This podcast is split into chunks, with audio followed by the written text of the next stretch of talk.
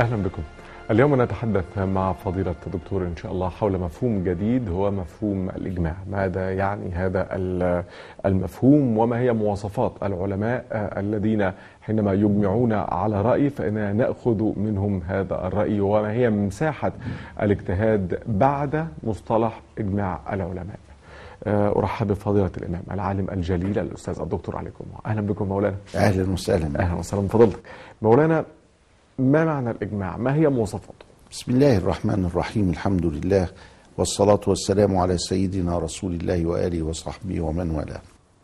الإجماع هو اتفاق المجتهدين من أمة محمد صلى الله عليه وآله وسلم في عصر من العصور على أمر من الأمور الشرعية.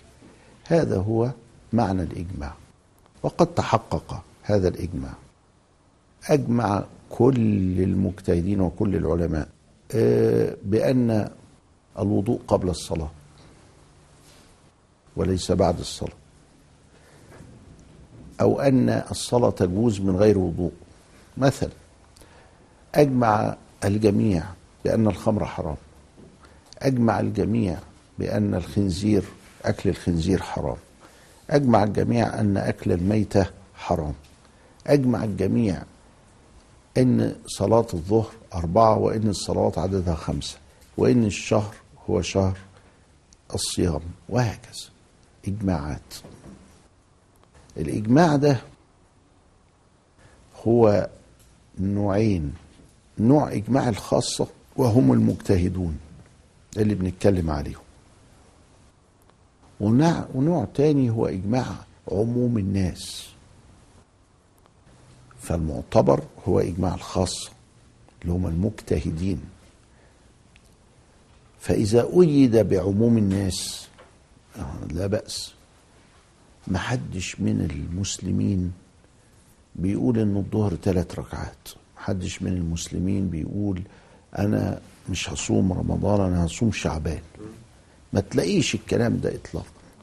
محدش من المسلمين إطلاقا. بيقول إن الحج لبيت المقدس ما هوش للكعبة المشرفة. أو إن عرفات ما يراش حاجة ما نوقفش آه، عليها ولا حاجة. محدش محدش اطلاقا. فده إجماع العوامل مؤيد لإجماع الخواص اللي هم المجتهدين. وفي إجماع مخصوص. شوف في إجماع الخاصة لكن في إجماع مخصوص. الأئمة الأربعة الخلفاء الأربعة الحرمين المصرين اللي هم الكوفة والبصرة وحاجات زي كده. فدي إجماعات خاصة بمعنى مش إجماع الخاصة إجماع إجماعات يعني اتفاقات يعني.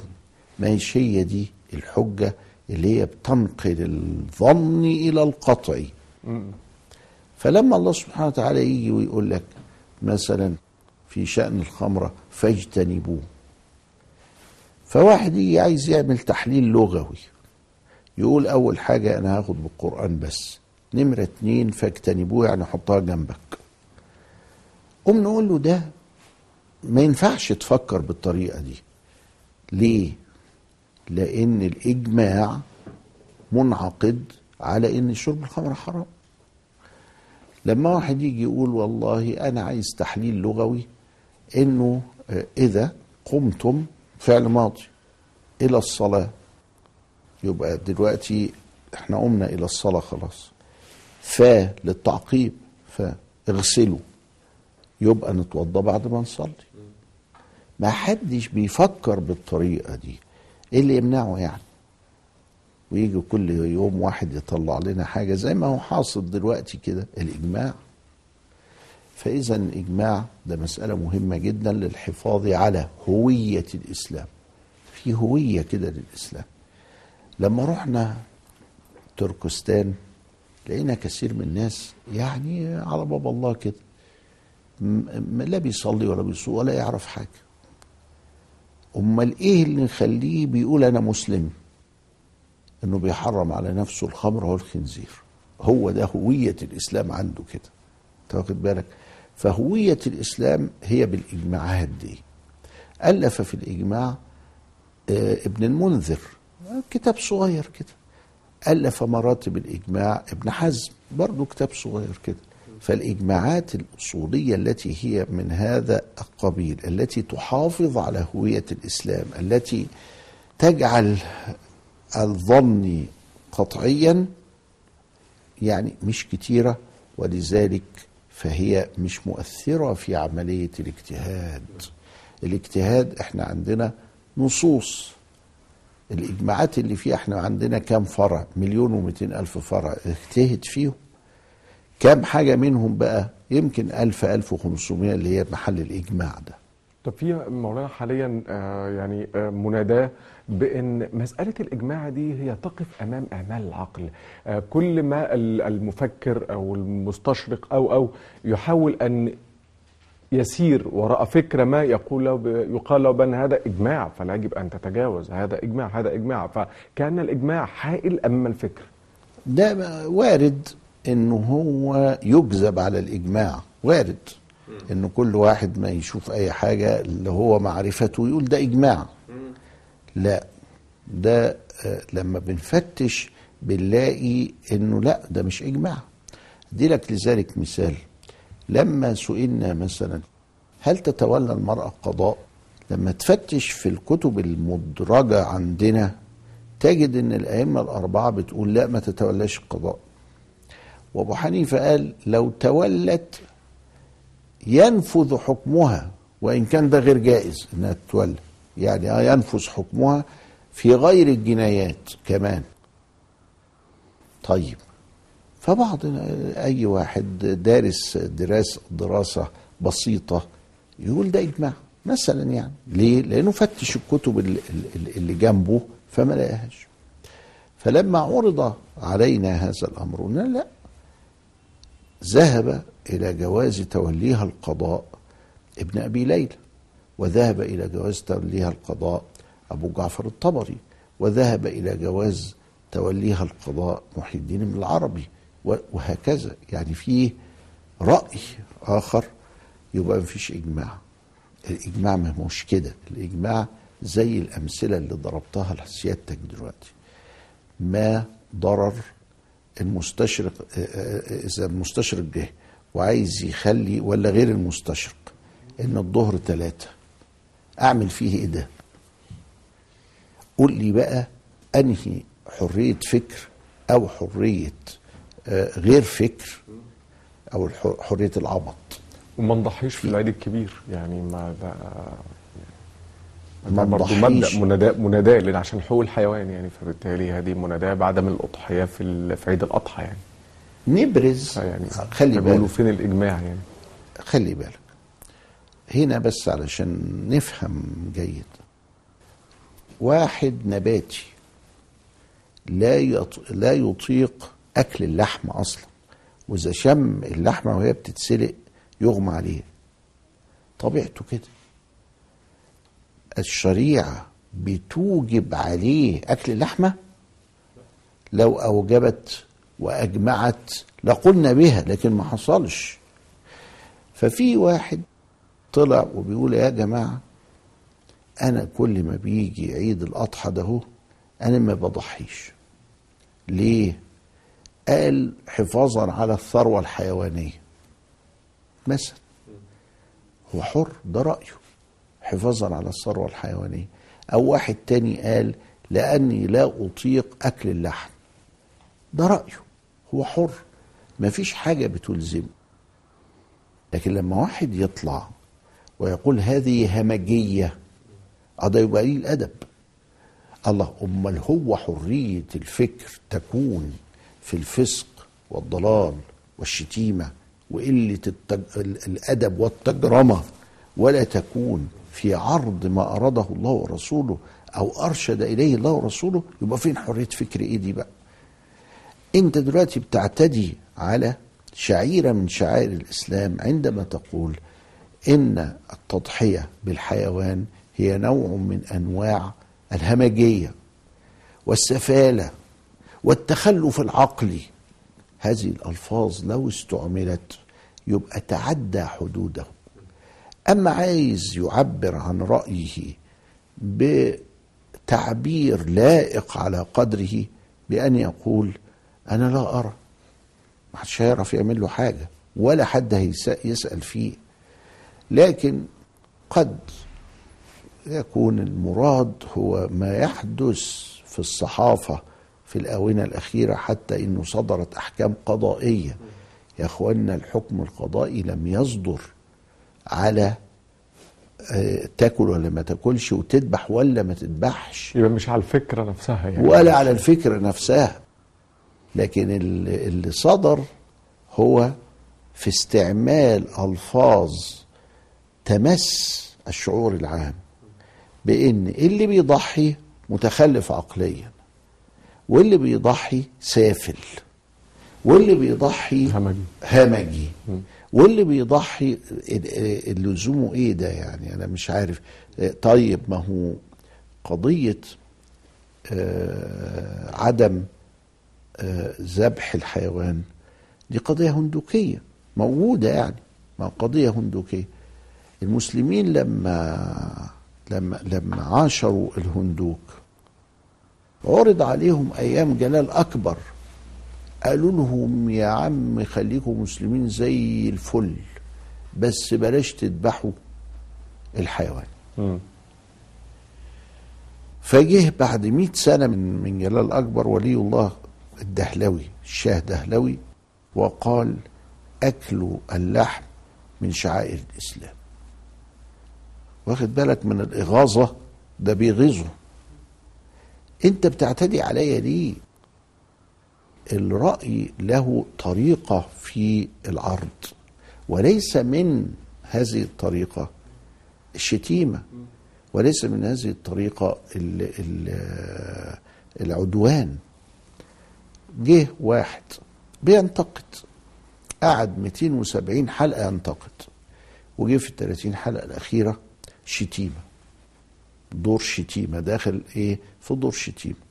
فلما دخل في دور الشتيمة اترفع عليه قضيتين قضية لأنه يأتي برأي فالقاضي رفضها. قال ده رأيه كده والقضية الثانية أنه شتم في الثلاثين حلقة دول فأوخذ بما شتم.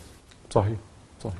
يبقى إذا كما يقول شكسبير في أحد رواياته أنه كان جالس في الهايد بارك وبعدين واحد راح حاطط إيده في مناخيره مناخير شكسبير.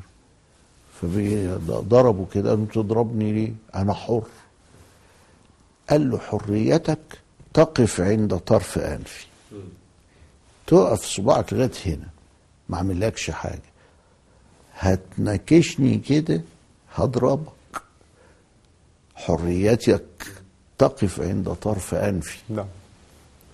فالناس دي مش فاهمة حرية يعني إيه كده.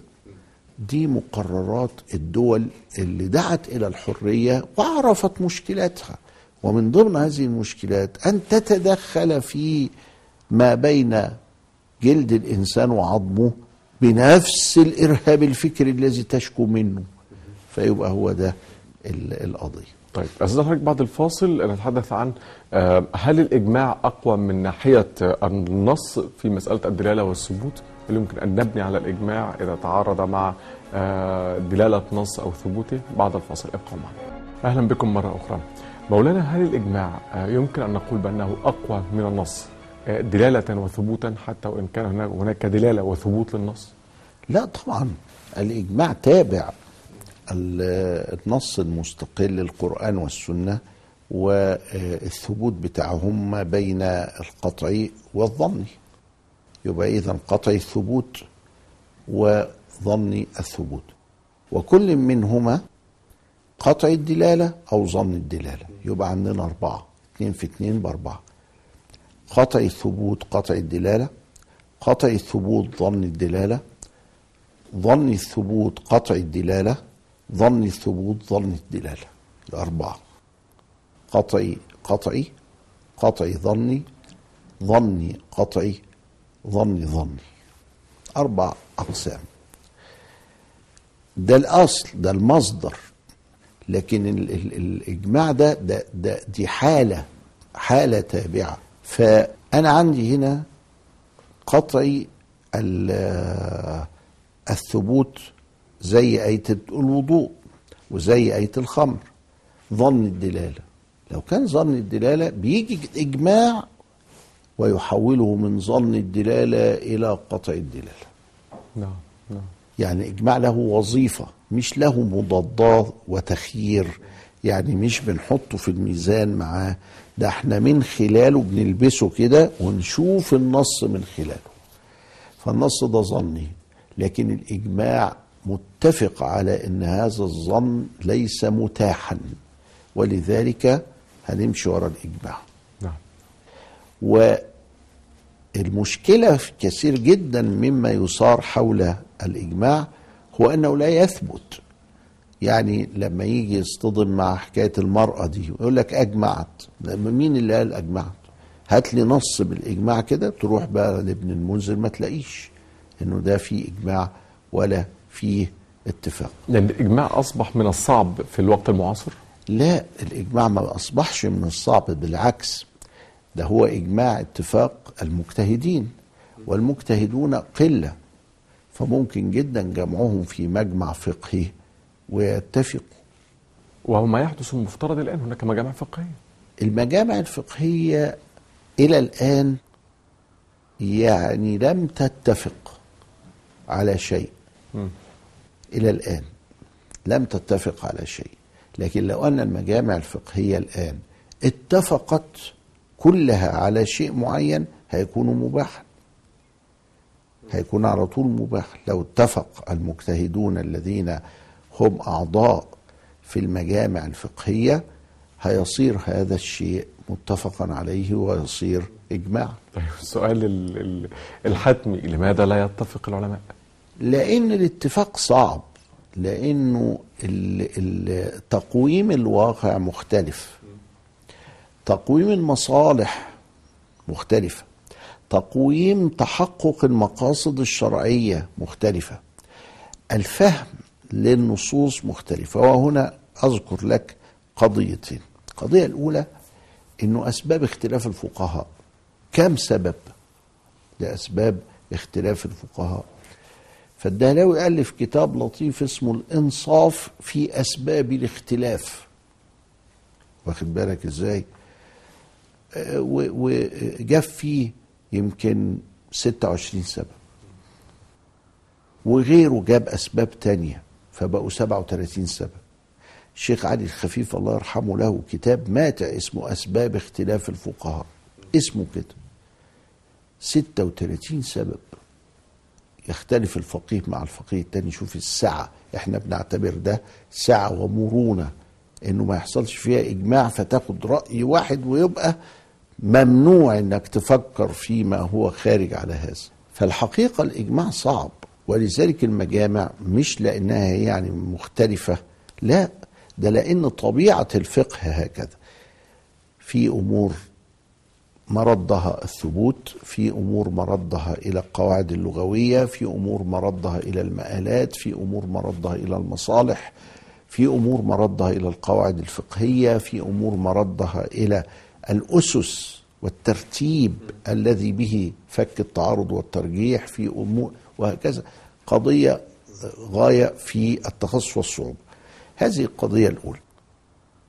علشان نفهم بعمق ده فعلا إزاي يعني كان فيه سبعة من المجتهدين العظام كان منهم الليث بن سعد ويحكي أبو عبيد القاسم بن سلام في كتابه الأموال أن واقعة حدثت في قبرص ساعات يكتبها بالسين قبرص. اللي هي جزيرة قبرص دلوقتي؟ أهل يعني قبرص أعلنت استقلالها عن الدولة الإسلامية انقلاب يعني. فعرض الأمر على سبعة من المجتهدين. منهم الليث ومنهم مالك ومنهم كذا إلى آخره. فأفتوا بسبعة أقوال. كل عالم منهم بقول مختلف. آه. قال يا جماعة ده كله ده في إدراك الواقع. واحد منهم قال يا جماعة دول ناس مغلوبين على أمرهم.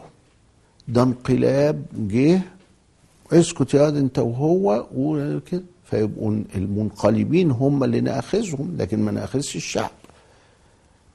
التاني قال لا ده هم اللي طلعوهم. ده عايزة تح... ده عايزة تحقيق ده كل واحد عنده من المعلومات والصورة الذهنية ما جعله يفتي فتوى معينة. ولذلك يؤخذ كل البلد. شوف ده على على النقيض. الثالث يقول يا جماعة ما عايزين ينفصلوا ينفصلوا. الرابع يقول وهكذا طبقا لمقتضيات الاختلاف الفقهي. طيب مسألة مولانا زي مسألة البنوك. يعني هذه المسألة قتلت بحثا فضلتك وعلماء آه، كبار آه، آخرون تحدثوا في هذه المسألة.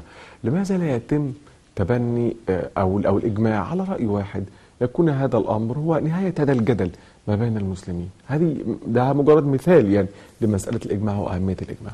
لما نيجي نجلس مع المخالفين وجدنا إن بعضهم يظن إن آه إن الورق بتاعنا ده له ذهب موجود في البنك. فهو اذا محل الذهب. نفهم فيه إنه من سنة 1970 لم يبقى الذهب فيكون الرد طب أمال أنتوا ما قلتوش كده ليه؟ طب أدي إحنا قلنا. كثير من الناس إحنا عندنا الجهاز المصرفي اتغير سنة 2004 بقانون فما بقاش فيها كلمة قرض وبقى فيها كلمة تمويل وكثير جدا من من الناس لا يدركون هذا التغير. كثير من الناس فاكرة إن البنك بياخد الفلوس وبيقعدها عنده بيخمرها عنده كده. مش إنها هي جارية بطريقة معينة وبحسابات وكمبيوتر وكذا إلى آخره.